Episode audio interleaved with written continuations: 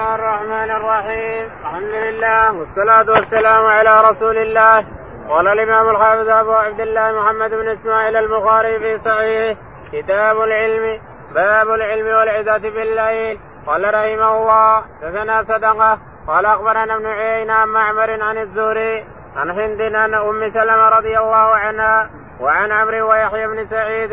عن الزهري عن هند عن أم سلمة رضي الله عنها قالت استيقظ النبي صلى الله عليه وسلم ذات ليلة فقال سبحان الله ماذا أنزل الليلة من الفتن وماذا فتح من الخزائن أيقظوا صواحبات الحجر فرب كافية في الدنيا عارية في الآخرة بسم الله الرحمن الرحيم الحمد لله رب العالمين وصلى الله على نبينا محمد وعلى آله وصحبه أجمعين يقول الإمام الحافظ أبو عبد الله محمد بن إسماعيل البخاري رحمه الله في صحيحه يقول رحمه الله كتاب العلم ونحن لا نزال في كتاب العلم يقول رحمه الله باب العلم والعزة بالليل باب العلم والعزة بالليل يعني في الليل يعظ الناس الرسول وعظ الناس في الليل بالعلم يقول حدثنا صدقة بن المفضل صدقة بن المفضل قال حدثنا ابن عيينة ابن عيينة سفيان قال حدثنا معمر معمر بن راشد قال عن الزهري عن الزهري قال عن هند بنت الحارث عن هند بنت الحارث قال عن أم سلمة عن أم سلمة رضي الله تعالى عنها أن النبي عليه الصلاة والسلام استيقظ ليلة في الليل في آخر الليل فهلل وكبر ثم قال ويل حديث زينب ويل للعرب من شر قد اقترب هذا مضى مسألة التتار وما التتار مضى لكن هنا يقول أيقظوا صواحبة الحجر أيقظوا ويل للناس من قال سبحان الله ماذا أنزل الليلة من الفتن وماذا فتح من الخزائن يقول سبحان الله ماذا أنزل الليلة من الفتن اللي يفتن الناس فيه وماذا فتح من الخزائن يعني يفتح خزائن الناس خزائن الأموال تفتح على الناس حتى يفتنون وتنزل الفتن على الناس فتن في الدين وفتن في الدنيا نعوذ بالله يحصل للإنسان فتنة حتى في دنياه ويحصل فتنة في دينه كل شيء كل شيء عندك يا الإنسان من الخير أو الشر كله فتنة فالإنسان يسير على طريق مستقيم لا يلتفت يمنة ولا يسرى تسير الإنسان إلى ربك على طريق مستقيم لا تلتفت يمنة سواء كنت غني أو فقير يجب أن تكون تسير إلى ربك على طريق صحيح سليم لا تعيد عنه يمنة ولا يسرى نعم ولا تعتبر الفتن الفتن تكثر ويجيك هذا يقول افعل كذا وهذا ترى احسن لك وهذا كذا يجيب من البدع ويحسنها لك يجيب من البدع والشيطان لعنه الله يحب اهل البدع اكثر ما يحب الزنا والسرقه وشرب الخمر يقول الزاني يتوب وشارب الخمر يتوب والسارق يتوب لكن صاحب البدع ما يتوب ليش؟ لانه يرى انه على حق انظر ابليس كيف نعوذ بالله ملحظه للناس وكيف بعد نظره يقول البدع ما يتوب صاحبها البدع ولهذا يحب اهل البدع ويحسنها لهم اكثر مما يحب اكثر المعاصي، المعاصي يتوبون لكن صاحب البدعه يرى انه على حق نعوذ بالله، فليحذر المسلم من البدع التي فتن الناس بها وظهرت في زماننا بكثره بعد، ظهرت بكثره هذا كذا وهذا كذا وهذا كذا وهذا كذا الرسول عليه الصلاه والسلام خط خطا مستقيما قال هذا صراط الله المستقيم من سلكه نجا ثم خط خطوطا كثيره هنا يمنه وخطوطا يسره ثم قال هذه الخطوط على راس كل خط شيطان من الانس يدعو الى جهنم لاحظوا على راس كل هذا خط على راس كل خط من هذه الخطوط شيطان من الانس يدعو الى جهنم يعني لان الدعاة كثير الدعاة نعوذ يعني بالله إلى الضلال كثير أكثر من في إن تطع وإن تطع أكثر من في الأرض وإن تطع أكثر من في الأرض يضلوك عن سبيل الله لا حول ولا قوة نعم ولا يجوز نبات الحجر فرب كاتية في الدنيا عارف يقول عليه الصلاة والسلام أيقظوا صواحبة الحجر يعني النساء تقوم تصلي بالليل تهجدها أو شيء من هذا فرب كاسية عارية هذا مثل الحديث اللي يقول الرسول عليه الصلاة والسلام رؤوسهن كأسنمة البخ كاسيات عاريات صنفان في أمتي لم أرهما بعد ناس يضربون الناس بالثياب ونساء كاسيات عاريات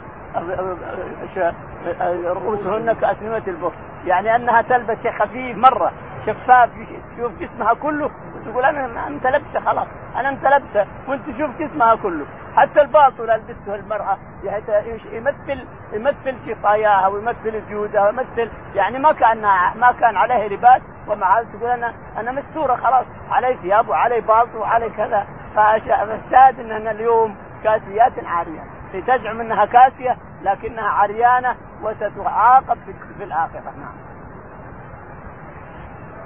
باب الثمر في العلم قال رحمه الله دثنا سيد بن عفير قال دثني الليث قال دثني عبد الرحمن بن خالد عن ابن شهاب عن سالم وابي بكر بن سليمان بن ابي حسمه عن عبد الله بن عمر رضي الله عنهما قال صلى من النبي صلى الله عليه وسلم العشاء في اخر حياته فلما سلم قام فقال ارايتكم ليلتكم هذه فان على راس مئة سنه منها لا يقام من هو على ظهر الارض احد. يقول رحمه الله حدثنا أبو باب السمر في العلم باب السمر في العلم يقول رحمه الله حدثنا سعيد بن عفير سعيد بن عفير قال حدثنا الليث بن سعد الليث بن سعد قال حدثنا عبد الرحمن بن خالد عبد الرحمن بن خالد قال حدثنا ابن شهاب ابن شهاب الزهري قال عن سالم وابي بكر بن عن سالم وابي بكر قال عن عبد الله بن عمر عن عبد الله بن عمر رضي الله تعالى عنه يقول النبي عليه الصلاه والسلام ظهر ليله متاخر متاخر في العشاء ثم ظهر عليهم وصلى بهم وقال ان الناس نوم الان ما في احد يصلي الا انتم يعني بشرهم بما قال ثم قال نعم فلما سلم قام فقال أرأيتكم ليلتكم هذه فإن على رأس مئة سنة منها لا يبقى ممن هو على يقول عليه الصلاة والسلام يقول ابن عمر لما سلم قام عليه الصلاة والسلام واقفا يسمع الناس وقال إن ليلتكم هذه على رأس السنة يعني الليله هذه ليله الثلاثاء، الليله هذه ليله الثلاثاء من 26 و27 محرم مقابلها الليله التي تجي ما يبقى على راس احد، سنه بعد سنه ما يبقى احد، يعني مقابلها من السنه اللي تجي ما يبقى على راس السنه احد، يعني ان 100 سنه ينقرض الناس اللي على وجه الارض ثم يؤتى باناس اخرين. نعم. معنى هذا الانسان يجد ويجتهد لان الموت قريب ولأنه قد يفنى يروح إلى ربه نعم قال رحمه الله دثنا آدم ولا دثنا شعبة ولا دثنا الحكم انه قال سمعت سعيد بن جبير عن ابن عباس رضي الله عنهما قال بت في بيت خالتي ميمونه بنت الحارث رضي الله عنها زوج النبي صلى الله عليه وسلم وكان النبي صلى الله عليه وسلم عندها في ليلتها فصلى النبي صلى الله عليه وسلم العشاء ثم جاء إلى منزله فصلى أربع ركعات ثم نام ثم قام ثم قام فنام ثم قال نام نام النبي صلى الله نام الغليم أو كلمة تشبهها ثم قام فقمت عن يساره فجعلني عن يمينه فصلى خمس ركعات ثم صلى ركعتين ثم نام حتى سمعت خطيته أو خطيته ثم خرج إلى الصلاة يقول البخاري رحمه الله باب تابع للباب او كم حدثنا السمري حدثنا آه، ادم بن ابي اياد ادم بن ابي اياد قال حدثنا شعبه شعبه قال حدثنا الحكم بن عتيبه الحكم بن عتيبه قال حدثنا سعيد بن جبير سعيد بن جبير عن ابن عباس عن ابن عباس رضي الله عنهما انه كان عند خالته ميمونه ميمونه رضي الله تعالى عنها ظهر تفهمون انه تزوجها الرسول سنة سبع من الهجرة سنة سبع من الهجرة يعني لما عهد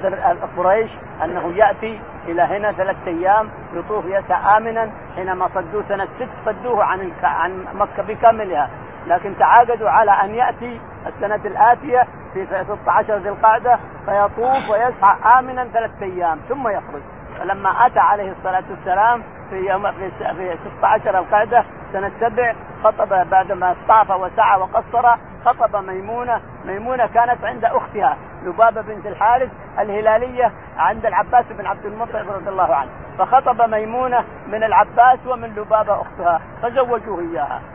والسفير بينهما ابو رافع، الشاهد انها تزوجها عليه الصلاه والسلام واعطوه اياها، فاراد ان يبني بها يعني يدخل بها في مكه فارسل قريش علي قالوا قل لصاحبك يخرج تمت الثلاث خلاص يخرج وانتهت الثلاث فلما قال قال بتزوج سوي لكم قال ما نريد زواج ولا نريد ولي مخرج يخرج فخرج عليه الصلاه والسلام وبنى بها بشرف بنى بميمونه يعني دخل بها بني له قبه بشرف هذا اللي عند النور اللي عند شرف هذا جبل شرف يسمى الان ميمونه الجبل اللي تعديت وادي فاطمه قريب 30 او 40 كيلو حصل الجبل هناك ياخذون منه النور يسمى النوريه ياخذون منه النور من تحته ولكنه جبل يسمى ميمونه ماتت هناك رضي الله عنها وارضاها ميمونه ماتت هناك ودفنت هناك وسمي الجبل باسمها الشاهد انه بنى بها هناك عليه الصلاه والسلام بعدما تعدى وادي فاطمه بقريب 30 كيلو بني قبه وبنى بها، المكان اللي بنى بها عليه الصلاه والسلام ودخل بها ماتت في المكان اللي بنى بها تعالى الله وتقدم الشاهد ان الرسول عليه الصلاه والسلام صد عن ان يطوف للعمره لاحظوا صد عن ان يطوف للعمره اخرج بالقوه لانه اخرج بالقوه فمن احتج ان الرسول ما وادع يقول ان الرسول اخرج بالقوه كما بيصير في كلام علي رضي الله عنه ارسلوه قالوا يخرج فخرج وبنى بميمونه في سرف في جبل ميمونه اليوم نعم قال ابن عباس وكان النبي صلى الله عليه وسلم عندما صلى النبي صلى الله عليه وسلم يقول عبد بن عباس القصه تاتي يقول ابن عباس انه دخل على ميمونه خالته وبات عندها وكان الرسول عليه الصلاه والسلام في طرف المخده من هنا وميمونه في طرفها من هنا وابن عباس في الوسط هنا نايم فلما استيقظ الرسول عليه الصلاه والسلام اخر الليل وهلل وكبر قال لميمونه هل نام الغليم يعني ابن عباس غليم ابو تسعه او عشر فلما يقول ابن عباس استيقظت انا من كلامه لما رايته يتكلم استيقظت من كلامه فقام عليه الصلاه والسلام الى شن معلق شن قربه القديمه تصير باذن الله بارده ابرد من الثلج ابرد من الثلاجات تعلق ب ثلاث ثلاث اعواد كذا بهذا الشكل ثم تعلق بالهواء تطرح بالهواء يصير ماءها بارد يقول فقام الى شن معلق فتوضا منه عليه الصلاه والسلام ثم كبر يصلي يقول ابن عباس فصنعت مثل ما صنع قمت وتوضيت من الشنة ثم كبرت عن يساره وأخذ بشعر رأسي وأخذ بدون يفتلها ثم أقامني عن يمينه هذا دليل الإمام أحمد رحمه الله أن الذي عن يسارك يصلي عن يسارك عن يسارك ويمينك خالي لا تصح الصلاة هذا دليل الإمام أحمد أن الذي يصلي عن يسارك ويمينك خالي لا تصح صلاته إلى آخره الشاهد يقول فصلى ركعتين ثم ركعتين ثم ركعتين ثم ركعتين قراب 11 ركعه ثم بعد ذلك نام ثم اوتر ثم نام حتى جاءه بلال عليه رضي الله عنه فانقذه للصلاه فصلى ركعتين وخرج وصلى بالناس نعم. قال فصلى خمس ركعات ثم صلى ركعتين. قال فصلى خمس ركعات يعني ركعتين ركعتين ركعتين ركعتين خمس ركعات ثم اوتر اوتر هل هو اوتر بثلاث او اوتر بواحده سياتينا تفصيل هذا ثم بعد ذلك نام حتى سمعت خطيطه او خطيطه ثم بعد ذلك اذن الفجر فقام وصلى ركعتين وخرج وصلى بالناس معه. باب حفظ العلم قال رحمه الله دثنا عبد العزيز بن عبد الله قال حدثني مالك بن شهاب عن الاعرج عن ابي هريره رضي الله عنه قال ان الناس يقولون اكثر ابو هريره ولولا آيتان في كتاب الله ما حدثت حديثا ثم يتلو إن الذين يكتبون ما أنزلنا من البينات إلى قوله إلى قوله إن إخواننا المجا... إلى قوله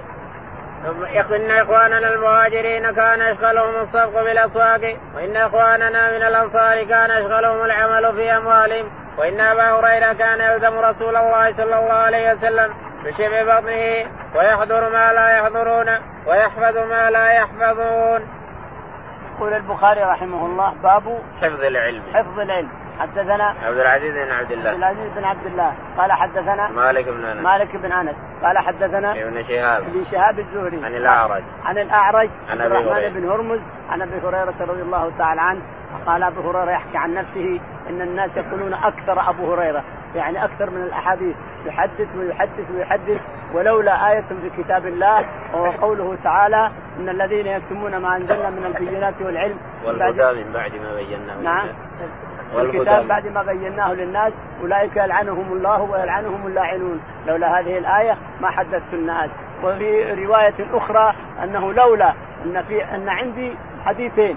لو واحد بثثت بالناس والثاني لو بثثت لقطع راسي به يعني من بني اميه وغيرهم لانه تهديد لامراء للامراء وغيرهم من الملوك الذين يسيطرون على الناس يتكبرون الشاهد انه قال لولا هذه الايه ما حدثت احدا واني انا اكثرت الحديث ليش؟ وش السبب في هذا؟ ان اخواني من المهاجرين يشغلهم الصرف والاسواق، يعني يبيعون يشترون يذهبون يترزقون الله، واخواني من الانصار يشغلهم العمل على حدائقهم، على التمور وعلى النخيل وعلى الحبوب وغيرها، وانا اتبع الرسول من شبع بطني، اجوع واتبعه علشان لا طعام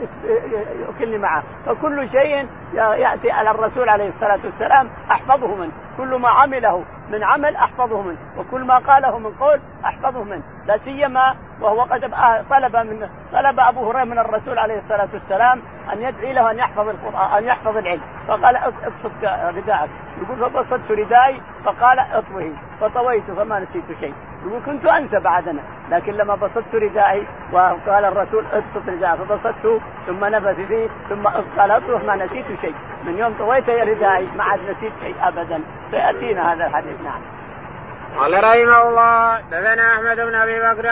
ابو مصعب قال دثنا محمد بن ابراهيم بن دينار عن ابن ابي ذئب عن سعيد المقبري عن ابي هريره رضي الله عنه قال قلت يا رسول الله اني اسمع منك حديثا كثيرا انساه قال ابسط رداك فبسطته قال فقرب بيديه ثم قال ضمه فضممته فما نسيت شيئا بعده. يقول البخاري رحمه الله حدثنا احمد بن ابي بكر احمد بن ابي بكر قال حدثنا محمد بن ابراهيم محمد بن ابراهيم قال عن ابن ابي ذئب عن ابن ابي ذئب قال عن سعيد المقبري عن سعيد المقبري قال عن ابي هريره عن ابي هريره رضي الله تعالى عنه يقول انه اشتكى الى الرسول عدم الحفظ ابو هريره رضي الله تعالى عنه اشتكى الى الرسول عدم الحفظ اني اسمع حديث لكن انساه يا رسول الله فلبس الدفاع يقول فكان علي شرشف فبسطته في الارض ثم اخذ الرسول عليه السلام وحطه ثم اخذ وحطه ثم اخذ وحطه ثم قال ضمه يقول فما نسيت شيء بعد ذلك فما نسيت شيء ضميت اطراف الرداء واخذته عندي فما نسيت حديثا سمعته من رسول الله عليه الصلاه والسلام نعم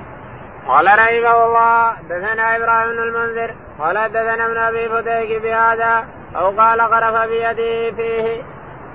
يقول حدثنا ابراهيم بن المنذر ابراهيم بن المنذر قال حدثنا ابن ابي فديك ابن ابي فديك بهذا الاسناد يعني. بهذا الاسناد يعني انه يقول غرف بيديه ووضعها في الرداء ثم غرف ووضعهما في الرداء الى اخره فما نسيت شيئا ضميته فما نسيت شيئا حفظ كما سمعنا أو كما هو محفوظ له خمسة آلاف ومئتين واثنين وثمانين حديث نعم. قال رحمه الله دثنا اسماعيل قال حدثني اخي عن ابن ابي ذئب عن سعيد عن ابي هريره رضي الله عنه قال حفظت من رسول الله صلى الله عليه وسلم عيني فاما احدهما فبسسته واما الاخر فلو بسسته قطع هذا البلعوم. يقول البخاري رحمه الله حدثنا اسماعيل بن ابي اسماعيل بن ابراهيم اسماعيل ما ذكره ما اسماعيل بن ابراهيم بن ابي بن ابي اويس بن ابي اويس عن مالك رحمه الله قال حدثني اخي قال حدثني اخي نعم عن ابن ابي ذئب عن ابن ابي ذئب قال عن سعيد المقبري عن سعيد المقبري عن ابي هريره قال حدثنا ابو هريره رضي الله تعالى عنه قال ابو هريره يحكي عن نفسه انه حفظ حديثين يعني وعاءين حفظ وعاءين من الاحاديث وعاء بثه في الناس بثه علم الناس فيه وبثه في الناس ووعاء يقول لو حدثت الناس به لقطع ما فيه البلع وما فيه رقبتي يعني لقطع راسي يقصد ان فيه الدم على خلني رايت شببه يتنازون على منبري يقول منها حديث اني رايت شببه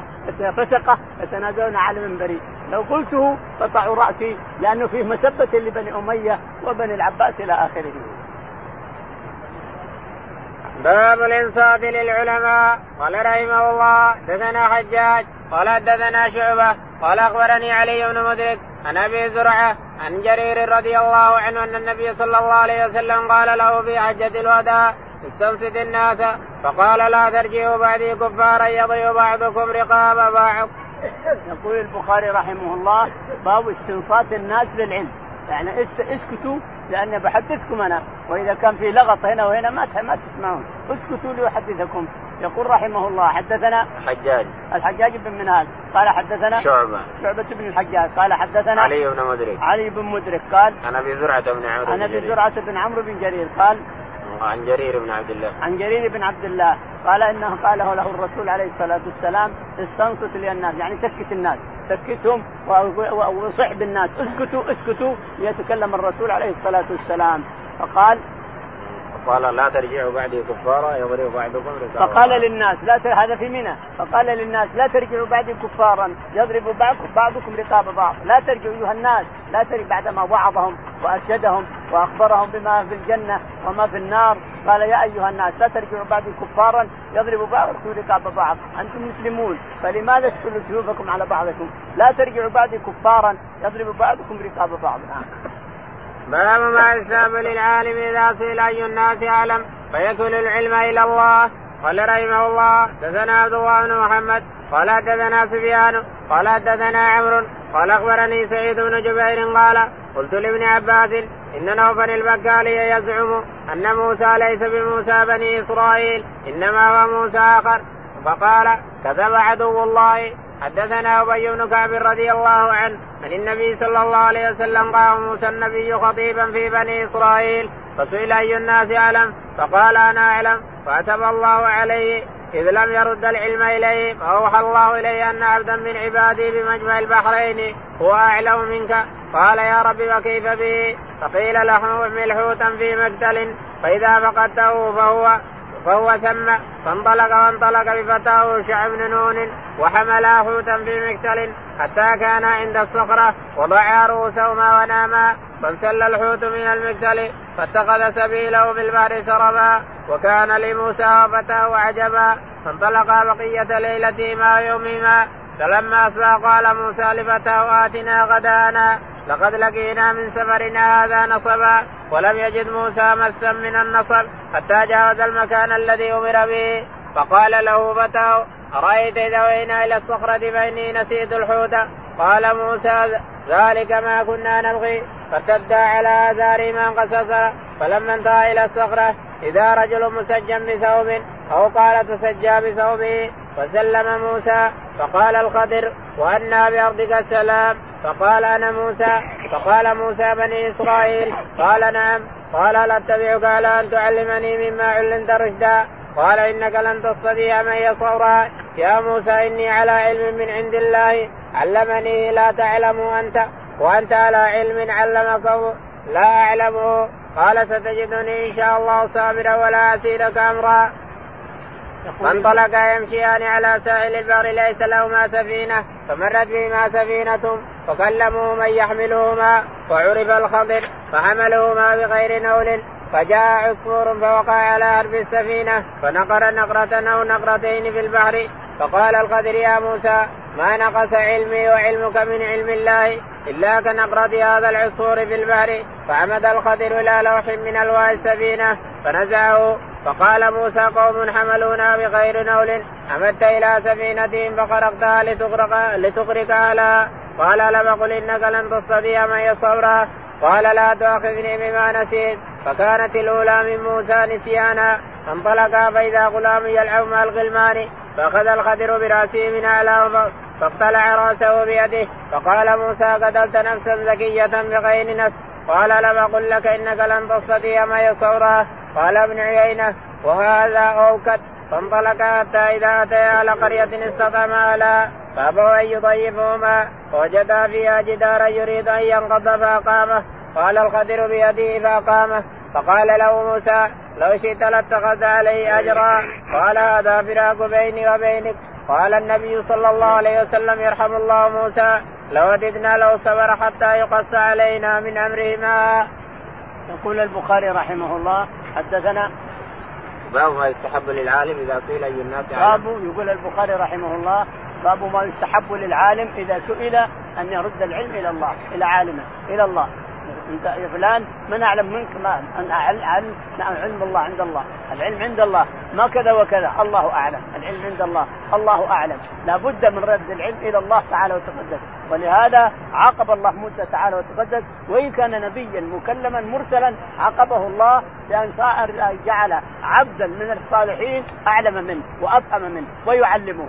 وهو نبي رسول مكلم يعني معنى هذا ان العلم ما يقتصر على هذا ولا هذا ولا هذا وفوق كل ذي علم عليم فإذا سئلت عن علم فقل الله أعلم حتى ينتهي العلم إلى الله تعالى وتقدس ينتهي العلم إلى عالمه هو رب العالمين تعالى وتقدس ولا يجوز لإنسان أن يقول أنا عالم أو أنا كذا وكذا أو أنا مؤتي أو أنا كذا وأنا كذا لا يجوز لهذا لأن عند هذا علمه عندك وعندك أنت علمه عند هذا كما قص صحيح الخضر عليه الصلاة والسلام يقول البخاري رحمه الله حدثنا عبد الله بن محمد عبد الله بن محمد قال حدثنا سفيان بن عيينه سفيان بن عيينه قال حدثنا عمرو بن دينار عمرو بن دينار قال حدثنا سعيد بن جبير عن سعيد بن جبير قال عن ابن عباس رضي الله عنهما سال سعيد بن جبير عن قصه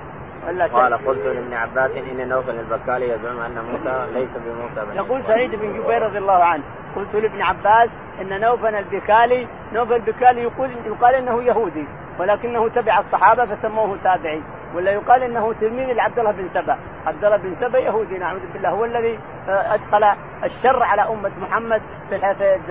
في العبادات وفي البدع وفي كذا، عبد الله بن سبا اليهودي، وهذا نوف البكالي يقال انه ربيبه او انه زوج امه او بنته او غير ذلك، الشاهد ان نوف البكالي فيه يهوديه ولهذا انكر ان يكون موسى يخضع لعبد من العباد ليه؟ لانه يهودي قال ابن عباس رضي الله عنهما كذب نوف في كذب نوف حدثني ابي بن كعب ان النبي عليه الصلاه والسلام قال سئل موسى كان موسى يخطب بالناس فسئل اي الناس يعلم؟ فيها احد اعلم منك يا موسى؟ قال لا انا اعلم الناس، انت اعلم الناس وانت عالم فعتب الله عليه تعالى وتقدس وعاقبه بما برجل عبد صالح يتعلم منه انت موسى كليم الله نبي وكليم الله ورسول تعلم من عبد صالح هو اللي يعلمك لانك قلت قلت ما في احد اعلى مني فاذهب ففي اعلم منك اذهب هناك ففي اعلم منك تعالى الله وتقدس نعم فقال نعم فأوحى الله إلي أن عبدا من عبادي بمجمع البحرين أوحى الله إلى موسى أن عبدا من عبادي هو أعلم منه فاذهب تعلم منه يا ربي دلني عليه عطني الطريق قال خذ حوت فإذا حي هذا الحوت خذ حوت معك سمكة إذا حيت هي ميتة السمكة خذها معك فإذا وصلت إلى المحل الذي تحيا فيه وتذهب إلى حال سبيلها فهناك القمر هناك الرجل الذي دلناك عليه فحمل حوتا معهما هو فتاه يوشع بن نون قال فلما فسار يطلبان السبيل الى لقي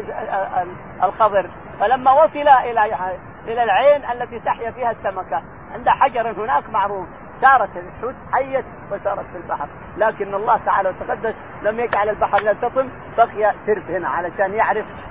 موسى الطريق الى الخضر الخضر في جزيره في وسط البحر هناك نايم في وسط جزيره فلما وصل الى الحجر حيت الحوت وسارت لكن موسى عليه الصلاة والسلام مشي ليله ويوم يمشي على رجوله ويا فتاه يوشع حتى تعب وحتى جاع عطنا غداءنا يعني قال وين غداءنا لما نمنا عند الصخرة فقدت الحوت قال عجيب احنا مأمورين هنالك وإحنا مأمورين أننا إذا حيت الحوت هناك الرجل اللي بنتعلم منه فكيف تتركنا قال نمنا نمنا وراحت الحوت فالشاهد أنه ما وجد موسى التعب والنصب حتى خالف أمر الله لاحظ كل انسان يخالف امر الله ياتيه عقوبه حتى خالف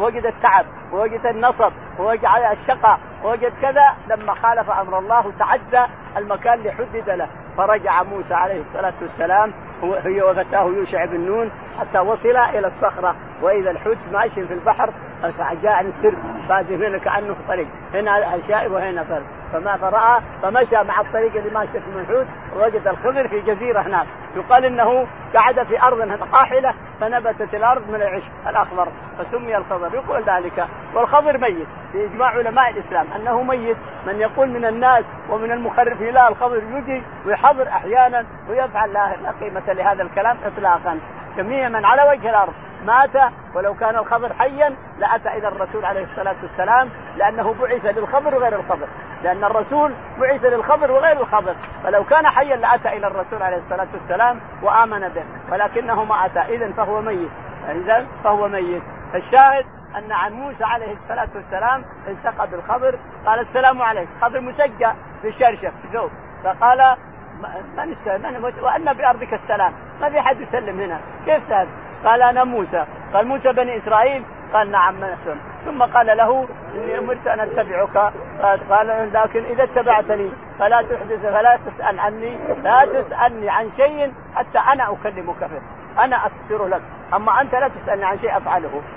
بهذا الشر قال نعم بهذا الشر فمشيا واخذ وقام الى سفينه تمشي في البحر فاومأ لها الخضر فعرفوا الخضر فشالوهم بالنول يعني بدون اجره بدون اجره ما اعطوهم اجره لان الخضر عندهم مقدس فرفع حملوا موسى ويوشع والخضر فلما حملوهم ومشوا في لجة البحر قام الخضر عليه السلام واخذ لوح من السفينه ورماه في البحر سبحان الله سبحان الله هذا ما يصبر عليها تكسر بدون اجره تقوم تخرق سفينتهم يغرقون ليش كذا ليش كذا يا خبر قال الم اقل انك لن تستطيع معي صبرا قال عاد هذه يقول الرسول عليه الصلاه والسلام هذه نسيان نسي موسى انه اشترط عليه الخبر نسي قال انا نسيت فلا ترهقني من امر عسر نسيت نسيت اني شربت لك واني شربت عليك مشي تركه الخبر تركه ومشيوا وذهبت السفينه ونزلوا منها الى البر وجدوا غلمان يلعبون فوجدوا غلاما يلعب مع فمسكه وخذ راسه يقول سفيان بن عيينه هذا الصحيح اما من يقول انه خذ حجرين ورد راسه بحجرين فهذا يقول ابن عيينه ما ثبت الصحيح انه اخذ راسه ومصعه من رقبته قال موسى هذا عاد كبير هذه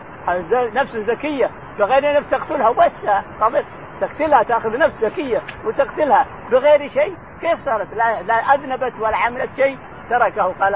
الم اقل انك لن تستطيع معي صبرا قال عاد ان سالت عن شيء بعدها ان سالتك عن شيء بعدها فلا تصاحبني قد بلغت من لدني عذرا خلاص يعني اني مرتين ما صبرت عليك فاتى فمشي حتى اتى اتي اهل قريه فاستطعموهم اعطونا قرى اعطونا طعام اعطونا قالوا لا ما نعطيكم فقام الى جدار ومسحه بيده فاستقام الجدار فقال موسى سبحان الله ناس عيونكم يرفضون ياكلونا ويشربونا تقيم لهم الجدار فقال تعال فسر لك ما مضى كل اللي مضى تعال افسره لك الان خلاص انا قلت لك الماده احترمتها علشان ما ياخذها هذا الحكمه في هذا طيب الولد قال واما الولد فنخاف ان حب الوالدين يرهقهما طغيانا وكفرا ويكفران بسببه فقتلت علشان يستريحون يرزقهم الله ولدا صالح احسن منه واما الجدار فكان لغلامين يتيمين في المدينه وكان تحته كنز لهما وكان ابوهما صالحا انظر صلاح الاباء يحفظ الله لك مالك وولدك الانسان يحفظ لك اولادك يحفظ لك اولادك بالصلاح وكان أبوهما صالحا فأراد ربك أن يبلغ أشدهما ويستخرج كنزهما هذا كله رحمة من ربك ثم لما ركب في السفينة قال الخضر يا موسى انظر إلى العصفور انظر يا موسى العصفور هذا اللي مع علمي انا وعلمك انت انت تزعم انك اعلم الناس ما علمي وعلمك في هذا الا مثل العصفور شوف عليك بن قالوا شيء ما عليك شيء يا موسى ليش تدعي العلم انظر العصفور هذا ما علمك وعلمي انا الا مثل ما اخذ العصفور من الماء هل اخذ شيء ما اخذ شيء عندي علم انا ما تعلمه انت وعندك علم انت ما تعلمه لا شك ان كل شخص وكل عالم عنده علم ليس عند الناس وعند الناس علم ليس عنده هو ولا بد من الاعتراف بهذه الحكمة وهو أن عندي علم لا يعلمه هذا وعند هذا علم لا أعلمه أنا وهكذا لأن العلم لله العلم ينتهي إلى رب العالمين تعالى وتقدس نعم قال النبي صلى الله عليه وسلم يرحم الله موسى لوجدنا لو صبر حتى يقطع هذا الرسول تمنى عليه الصلاة والسلام قال يرحم الله موسى لو صبر لقص الله علينا من خبرهما يعني في قصة الخبر مع موسى لكن ما صبر نعم باب من سأله وهو قائم عالما جالسا قال رحمه الله حدثنا عثمان قال أخبرنا جرير عن منصور عن أبي وائل عن أبي موسى الأشعري رضي الله عنه قال جاء رجل الى النبي صلى الله عليه وسلم فقال يا رسول الله ما القتال في سبيل الله فان احدنا يقاتل غضبا ويقاتل حميه فرفع اليه راسه قال وما رفع اليه راسه الا انه كان قائما فقال من قاتل لتكون كلمه الله العليا فهو في سبيل الله عز وجل. يقول البخاري رحمه الله باب من رفع راسه من سال رفع راسه ليسأله إنسان قائم إنسان قائم من رأسه فوق رأسه قائم واقف وهذا يسأل العالم وهو جالس العالم جالس والسائل واقف فرفع رأسه العالم اللي يسأل رفع رأسه لأن اللي يسأل واقف لا بد من هذا هذه الحكمة وهذا التبويب باب من رفع رأسه ليجيب السائل اللي سأله وهو واقف السائل سأله وهو واقف نعم قال حدثنا عثمان بن ابي شيبه حدثنا عثمان قال حدثنا جرير جرير قال حدثنا منصور بن المعتمر منصور بن المعتمر قال حدثنا ابو وائل ابو وائل قال عن ابي موسى عن ابي موسى الاشعري رضي الله تعالى عنه ان النبي عليه الصلاه والسلام اتاه رجل آه، فقال يا هو راكب فقال يا رسول الله اننا نقاتل حميه ونقاتل عصبيه ونقاتل لاجل تحرير الارض ونقاتل لاجل كذا وكذا قال هذا في سبيل الله انظر الحكمه انظر الضابط قال عليه الصلاه والسلام من قاتل لتكون كلمه الله هي العليا بس هذا الكلام من قاتل لتكون كلمه الله العليا فهو سبيل الله والباقي ما هو سبيل الله باقي القتال تقاتل لاجل الارض تحرير الارض او لاجل دفع العدو او تقاتل من ليست لست في سبيل الله في سبيل الله من قاتل لتكون كلمه الله هي العليا فهو في سبيل الله نعم باب السؤال والفتيا عند رمي الجمار جمار قال رحمه الله دثنا ابو نعيم قال دثنا عبد العزيز بن ابي سلمه عن الزهري عن عيسى بن طلحه عن عبد الله بن عمرو رضي الله عنه قال رأيت النبي صلى الله عليه وسلم عند الجمرة وهو يسأل فقال رجل يا رسول الله نهرت قبل أن أرمي فقال ارمي ولا حرج قال آخر يا رسول الله حلقت قبل أن أنهر قال انهر ولا حرج فما سئل شيء قدم ولا أخر إلا قال فعل ولا حرج يقول البخاري رحمه الله باب من سئل عند رمي الجمار عند رمي الجمار باب من سئل عند رمي الجمار يعني الرمي عند رمي الجمار او غيرها يعني جاك انسان عالم عند الجمرات وجاه الناس قالوا ما كذا كيف افعل كذا وانا ما رميت كذا وانا ما يفتي حتى عند الجمار حتى وانت واقف الانسان لا تصح بالعلم اذا كنت كنت تعلم العلم يقول رحمه الله حدثنا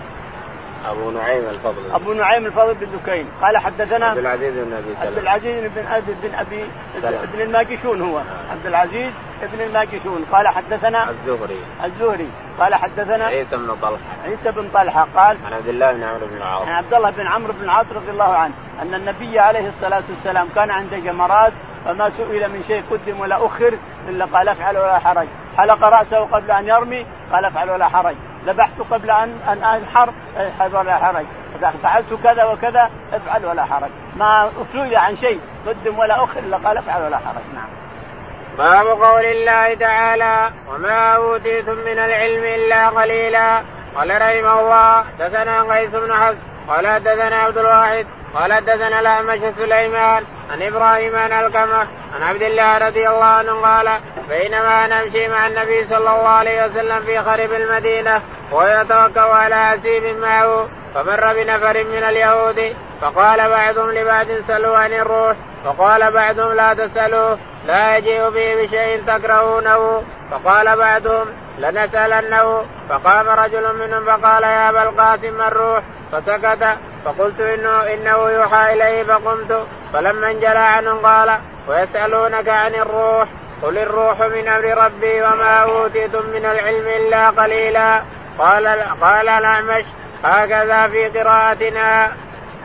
يقول البخاري رحمه الله باب وما اوتوا من العلم الا قليلا وما اوتيتم لا هنا قراءة العامة وما اوتوا من العلم الا قليلا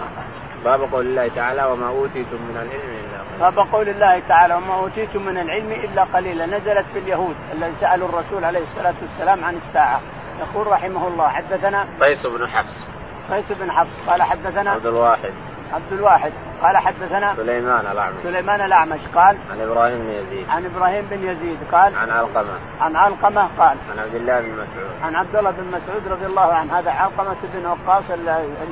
النقعي النقعي قال عن ابن عباس رضي الله تعالى عنه ان النبي عن عبد الله بن مسعود رضي الله عنه ان النبي عليه الصلاه والسلام كان يمشي يقول مسعود انه كان يمشي معه ومعه عسير تعرفون العسيف حق النخل يابس وكان يتوقع عليه ويمشي عليه الصلاة والسلام في شارع المدينة فأتى إلى اليهود وهم جلوس فقالوا اسألوه عن الساعة قالوا قال بعضهم عن الروح عن الروح واسألوه عن الروح قال بعضهم لا تسألونه لعله يأتي بشيء تكرهونه قالوا لا نسألنه فقام أحدهم قال يا أبا القاسم وهكذا كنيته عليه الصلاة والسلام ما, ما الروح ما هي الروح فسكت عليه الصلاة والسلام فقال ابن مسعود رأيت أنه غش عليه يعني يوحى إليه فأوحي إليه ثم تجلى ثم قال ويسألونك عن الروح قل الروح من قل الروح من أمر ربي الروح من أمر ربي وما أوتيتم من العلم إلا قليلا هذه القراءة المشهورة وما أوتيتم من العلم إلا قليلا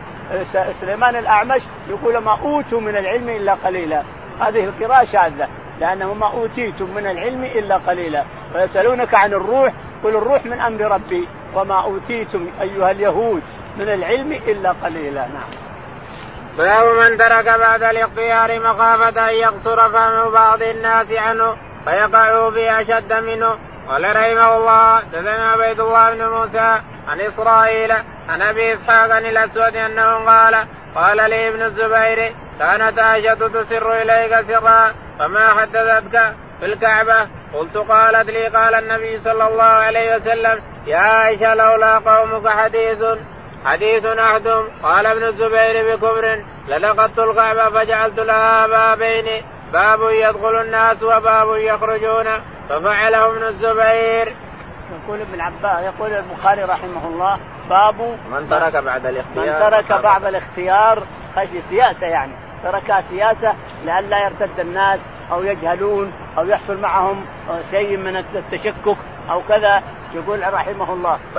فيقع في اشد منه في اشد منه يعني هو لو هدم الكعبه حينما اسلمت قريش وادخل الحجر فيها وغير وبدل ربما يرجعون عن الدين اللي دخلوا فيه يرجعون عن الشر يرجعون الى الشر ويرجعون الى الكفر قال فخشية من هذا هذه أمور سياسية جائزة جائزة إنسان يخشى أن يفعل كذا وكذا يخشى من الناس أن يفعل كذا وكذا أن يحدث شر أو يحدث آه، آه، آه، ضرر على المسلمين يقول رحمه الله حدثنا عبيد الله بن موسى عبيد الله بن موسى قال حدثنا اسرائيل اسرائيل قال حدثنا ابو اسحاق ابو اسحاق السبيعي قال عن الاسود عن الاسود بن يزيد قال قال لي ابن الزبير كانت عائشه تصير اليك كثيرا يقول يقول قال قال سالت ابن الزبير يقول ابن الزبير عبد الله رضي الله عنه قالت لعائشه رضي الله تعالى عنها ان النبي عليه الصلاه والسلام قال لي انا فتح الناس الكعبه وحين او انه في حجه الوداع او في الكافل في عام الفتح قال العائشة رضي الله عنها لولا ان قومك حديث عهد بكفر لهدمت الكعبه ولا ادخل الحجر هذا لان الحجر هذا قصرت النفقه بقريش فاخرجوا الحجر هذا حجر ما هو يسمى حجر اسماعيل حجر يعني قريش لانه قصرت بهم النفقه واخرجوا سته اذرع من الكعبه لاجل النفقه قصرت عنهم جمعوا لما انهدمت الكعبه في عهد قريش والرسول له 35 سنة ذلك اليوم انهدمت الكعبة قاموا قالوا كيف نبنيها كيف نعيد الكعبة نهدها ونبنيها على ما كانت عليه فتشاوروا قالوا لا يمكن أن تبنونها إلا من حلي النساء لأن حلي النساء حلال تعطى إياها ويصير حلالها فاجمعوا حلي جمعوا حلي النساء ثم بنوا الكعبة هدموا الكعبة كلها ثم بنوها لكن قصرت بهم النفقة ما يمكن يبنونها كلها مربعة ستين وسميت مكعبة ومربع لأنها على أربع قواعد أربعة أركان فالشاهد أنهم تشاجروا في الحجر الأسود من يضعه في مكانه خرج الرسول عليه الصلاة والسلام من باب الجياد من باب السلام هنا من باب الجياد فلما خرج قال الأمين الأمين فقالوا اننا تشاجرنا من يضع الحجر الاسود لان كل قبيله تقول انا يضعه من وضعه يصير لها الشرف فقال هاتوا شرشف فجاءوا بشرشف وقال تمسك كل قبيله طرفا من الشرشف ينظر عليه الصلاة والسلام فوضعت كل قبيلة يدها على الشرشف فأخذ الحجر بيده ووضعه في مكانه عليه الصلاة والسلام وهو من 35 سنة ذلك اليوم فالشاهد أن قريش قصرت بهم النفقة فأخشى لو عملتها وحطيت لها بابين باب يدخل الناس منه من هنا وباب يخرجون من هنا يصلي ثم يخرج ما حد يرجع له يدخل ويصلي ويخرج وجعلت لها بابين على الارض ما احتاج درج ولا شيء وادخلت الحجره فيها فجعلت لها اركان الركن العراق والركن الشامي والركن والركن اليماني والركن الحجر الاسد الشرقي الى اخره لكن ان الكفر اخشى من قريش ان يحصل عندها رد فعل او يحصل عندها كذا عبد الله بن الزبير رضي الله تعالى عنه لما تولى الخلافه لانه تمنى ان يكون خليفه فصار خليفه ثمان سنوات خليفه في اليمن والحجاز والعراق وجميع الممالك كلها ما عدا الشام استولى عليه معاويه والا فابن الزبير صار خليفه ثمان سنوات عروه بن الزبير تمر تمنى ان يروي الحديث فاعطاه الحديث تجد الاحاديث كلها عروه بن الزبير المصعب تمنى ان يجمع الله له بين إمارة العراقين وبين عصمة سكينة بنت الحسين وعائشة بنت طلحة فاجتمع له ما أراد لأنه تمنوا تحت الكعبة أعطاه الله ما تمنى شاهدنا أن عبد الله بن زهير هدم الكعبة كلها بكاملها وأدخل الحجر فيها وجعل لها أركان أربعة كلها تستلم تستلم الركن هذا وتستلم الركن هذا وتستلم الركن هذا كلها تستلم بيدك ف... فلما انتهى منها عزم على مكة على أهل مكة حتى النساء ان يخرجوا وياتوا بعمره من التنعيم عزم عليهم عزيمه وعزيمه الامام مطاعه لازم اذا عزم لازم تطيع الامام اذا عزم لان عزيمته مؤكده فخرج الناس حتى النساء والاطفال خرجوا الى التنعيم واتوا بعمره من التنعيم، ما في احد من الصحابه اعتمر من التنعيم من مكه الا الا عزم عليهم الزبير رضي الله عنه، فالشاهد انه لما انتهى منها وعزم عليها بناها بما اخبر الرسول عليه الصلاه والسلام وبقيت مده حتى تولى عبد الملك بن مروان وارسل الحجاج بن يوسف فهدمها واعاد بناءها كما كانت على عهد قريش واخرج الحجر منها وهذا من المصائب والفتن والا وش لك يا يا عبد الملك بن وش لك الحجاج تهدمون الكعبه وتعيدونها على امر قريش والرسول آه، آه، وعبد الزبير فعلها على ما عهد الرسول له نعم.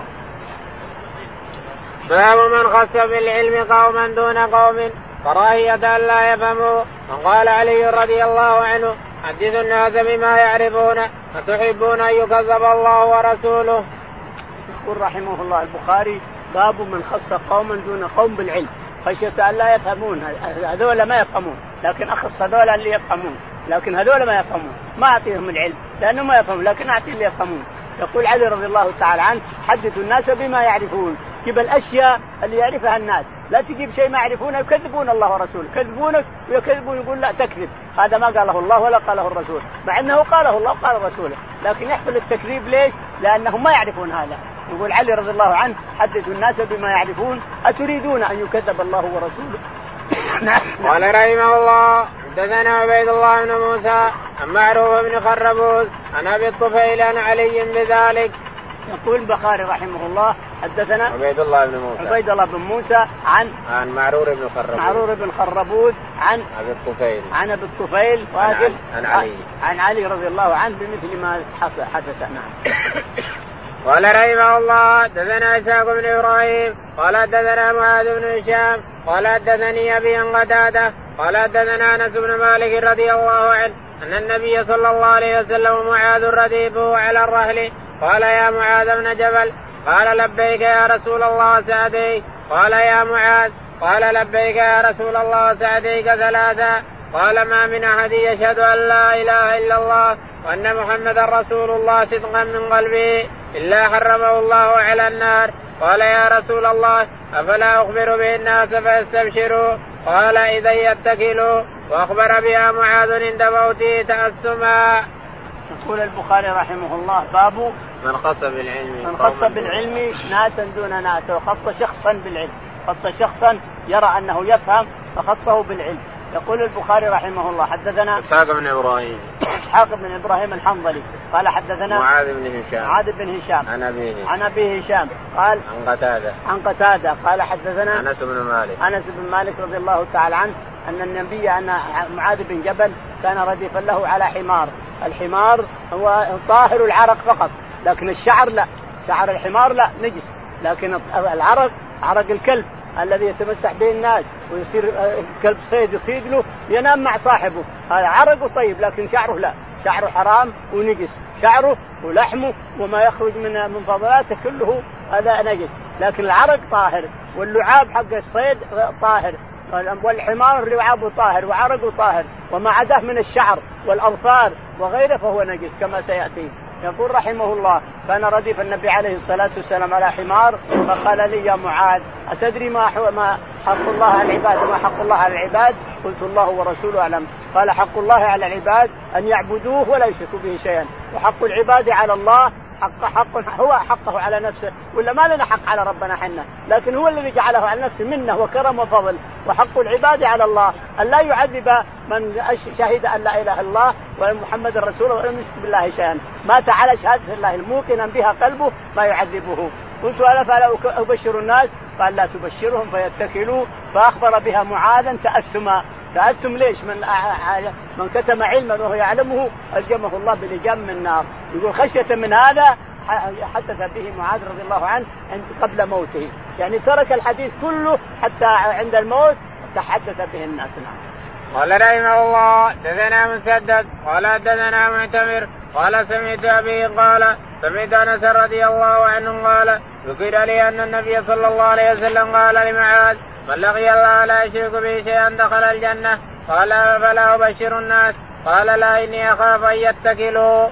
يقول رحمه الله حدثنا مسدد مسدد قال حدثنا معتمر بن معتمر بن سليمان قال حدثنا عن ابي عن ابي سليمان قال عن انس بن مالك يسمى طرخان قال حدثنا انس بن مالك رضي الله عنه قال يعني اني سمعت ان معاذ بن جبل قال له الرسول عليه الصلاه والسلام فان من مات لا يشرك بالله شيئا دخل الجنه ومن مات يشرك بالله شيئا دخل النار الا ابشر الناس قال لا تبشرهم فيتكلوا يعني اتكلوا على العمل ما دام بدخل الجنه ليش اعمل خلاص ما دام مضمونه لي الجنه اذا عملت فلا اعمل لكن